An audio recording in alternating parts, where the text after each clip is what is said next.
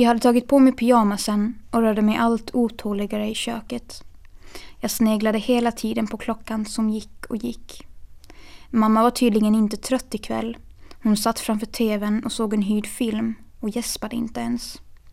En satt jag vid köksbordet och en stod jag och tittade ut mot faster Nadjas hus. Jag undrade vad hon gjorde, för hon syntes inte till. Det sista jag hade sett av henne var när hon bar ut hela nedervåningens mattor. Det ska vara fint när Pontus kommer hem, sa hon. Jag undrade om hon faktiskt hade lämnat städmönstret eller om hon hade tappat bort det.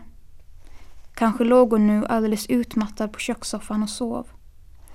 Jag satt med näsan platt mot fönstret och undrade varför jag hade börjat kalla henne faster. Hon var ju Pontus faster och inte min.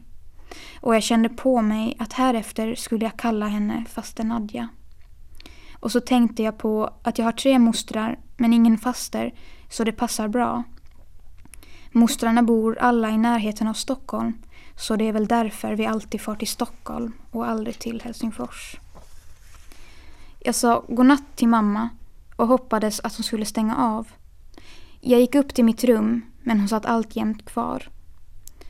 En stund övervägde jag faktiskt att klättra ut genom fönstret i mitt rum och ta mig ner längs brandstegen. Men jag misstänkte att mamma hade hört mig. Det var en annan sak som också avskräckte mig. Jag ville ogärna erkänna det, men jag lider av höjdskräck. Jag är rädd att ramla och slå mig. Jag drog på mig pyjamasen och gick ner och tog ett glas vatten. Och då gäspade mamma faktiskt, men hon satt ändå kvar framför filmen. Jag gick upp igen och tog fram det gula häftet.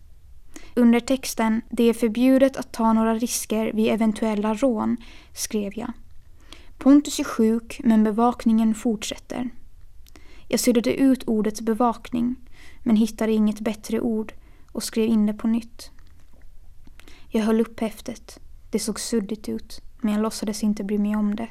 Jag skrev Jätgefin, Kammer Svensson och Pommen i en vacker rad.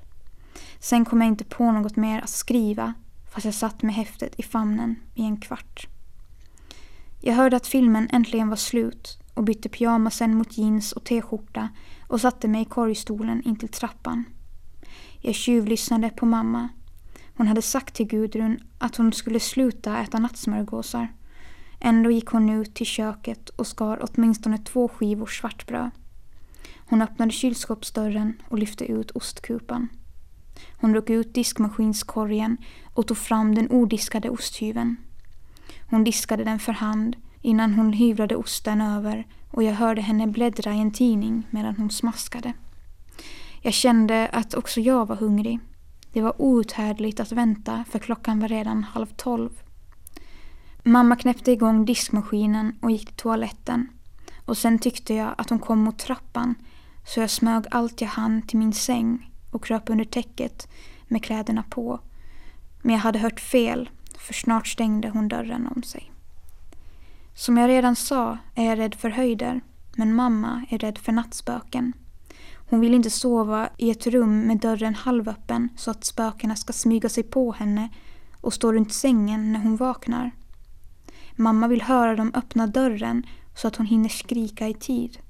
Därför stänger hon den alltid. Jag väntade länge och när jag trodde att mamma sov smög jag mig ner för trappan. Hon hostade och sängen knakade och jag stod blickstilla tills det blev tyst. När jag smög mig över köksgolvet fick jag för mig att jag skulle halka och falla baklänges, men jag gjorde det inte. I hallen drog jag munkjackan över huvudet utan att ha ner några galgar. Jag vågade inte smälla fast dörren utan stack in nyckeln från utsidan och lät kolven sakta glida in i sitt bo. Det var dimma och så fort jag hade lett cykeln ut till gatan ställde jag mig på trappan och gav fart med foten. Jag flög fram genom stan nästan utan att alls trampa.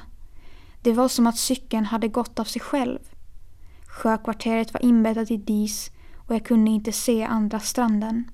Slemmen såg ut som ett hav. Jag vände in ett kvarter för tidigt och lämnade cykeln stående mot ett träd och gick runt huset med staketet innan jag slank in i tunneln bakom syrenerna. Jag hörde inte ett enda litet mummel från huset. Det var alldeles tyst och jag tänkte vända tillbaka. Då hörde jag plötsligt kamrer Svensson med gäll röst börja attackera Pommern men jag förstod inte vad det gällde.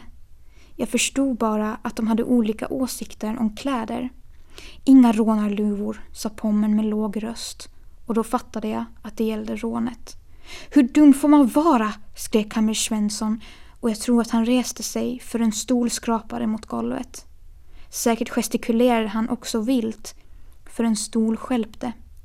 Jag föredrar egen klädsel, sa Pommen ändå och jag tror att Kammer Svensson var färdig att dyka på honom. Då skrek Jätkefin ”Hilja pojat” och slog näven i bordet och det blev tyst. Jätkefin harklade sig och sa ”Tuota noin, tuota noin” flera gånger innan han kom till saken. Torstaina puoli yksitoista, sa han sen barskt varpå Kammer Svensson sakta väste. Jag vet, jag vet. Det är klädseln vi diskuterar. Så mycket finska hade jag lärt mig att jag förstod att Jätkefin sa torsdag klockan halv elva. Kammer Svensson fortsatte gnälla men ingen svarade honom och jag hörde inte längre på. Jag hade börjat tänka att det skulle bli svårt att hitta på något riktigt smart till torsdagskvällen så att jag inte försenade mig. Klockan var redan tio över tolv. Jag hade kommit för sent. Då kände jag att jag brände mig på en brännässla och att jag genast måste klia vristen. Men med detsamma kom alla tre ut på gården och jag kunde inte klia. Mötet var slut. Pommen låste dörren och jag vågade inte ens titta mot vristen som sved. Så nära syrenbusken stod han. När de var ute på gatan smög jag genom tunneln till porten och när jag hörde dem prata på avstånd smet jag hastigt iväg till min cykel. Hade de då vänt sig om hade de sett mig. En stund var jag frestad att cykla via sjukhuset bara för att se att det stod kvar men jag kände mig lite ängslig i natten. Speciellt efter att ha hört Kammer Svenssons och Pommerns gräl. Jag kom ner till Stora gatan och som jag hade räknat ut syntes inte Jätkefin, Kammer Svensson eller Pommen ännu till så jag trampade iväg det snabbaste jag kunde. När jag var tillräckligt långt borta stannade jag och vände mig om. Och där kom alla tre längs gatan. Kammer Svensson viftade och gestikulerade och Pommen gick framåtböjd med händerna i fickorna. Jag var säker på att han muttrade egna kläder. Jätkefinn haltade fram och fågelboet låg som en gloria runt huvudet. Jag stod en stund vid vår egen trappa tills jag kunde andas lugnt igen. Sen låste jag upp, tyst som en mus och fick av mig munkjackan. Då stod mamma plötsligt i köket. Var har du varit? sa hon. Jag visste ju inte hur länge hon hade saknat mig och jag ville absolut inte börja ljuga. Så jag sa, det var en sak jag kom på. Jag sa det så naturligt jag kunde och mamma nöjde sig med svaret. Hon trodde väl att jag hade varit ute på gården eller så trodde hon att jag hade glömt något i munkjackans ficka. Går du och lägger dig nu? frågade hon. Oroa dig inte, sa jag. Jag tar en smörgås först. I mitt rum tog jag fram gula häftet och skrev Möte torsdag kväll klockan halv elva. Sen lade jag mig och kände hur kalla mina fötter och armar var och hur illa vristen sved. Det hade blivit små hårda utslag och jag kliade tills det blödde. Jag huttrade och kunde inte somna. Mitt hjärta bankade hårt och jag måste gå igenom dagens händelser. När jag äntligen somnade vaknade jag och tyckte att jag hade tänkt fel. Det var någonting som inte stämde. Men hur jag än tänkte kom jag inte på felet.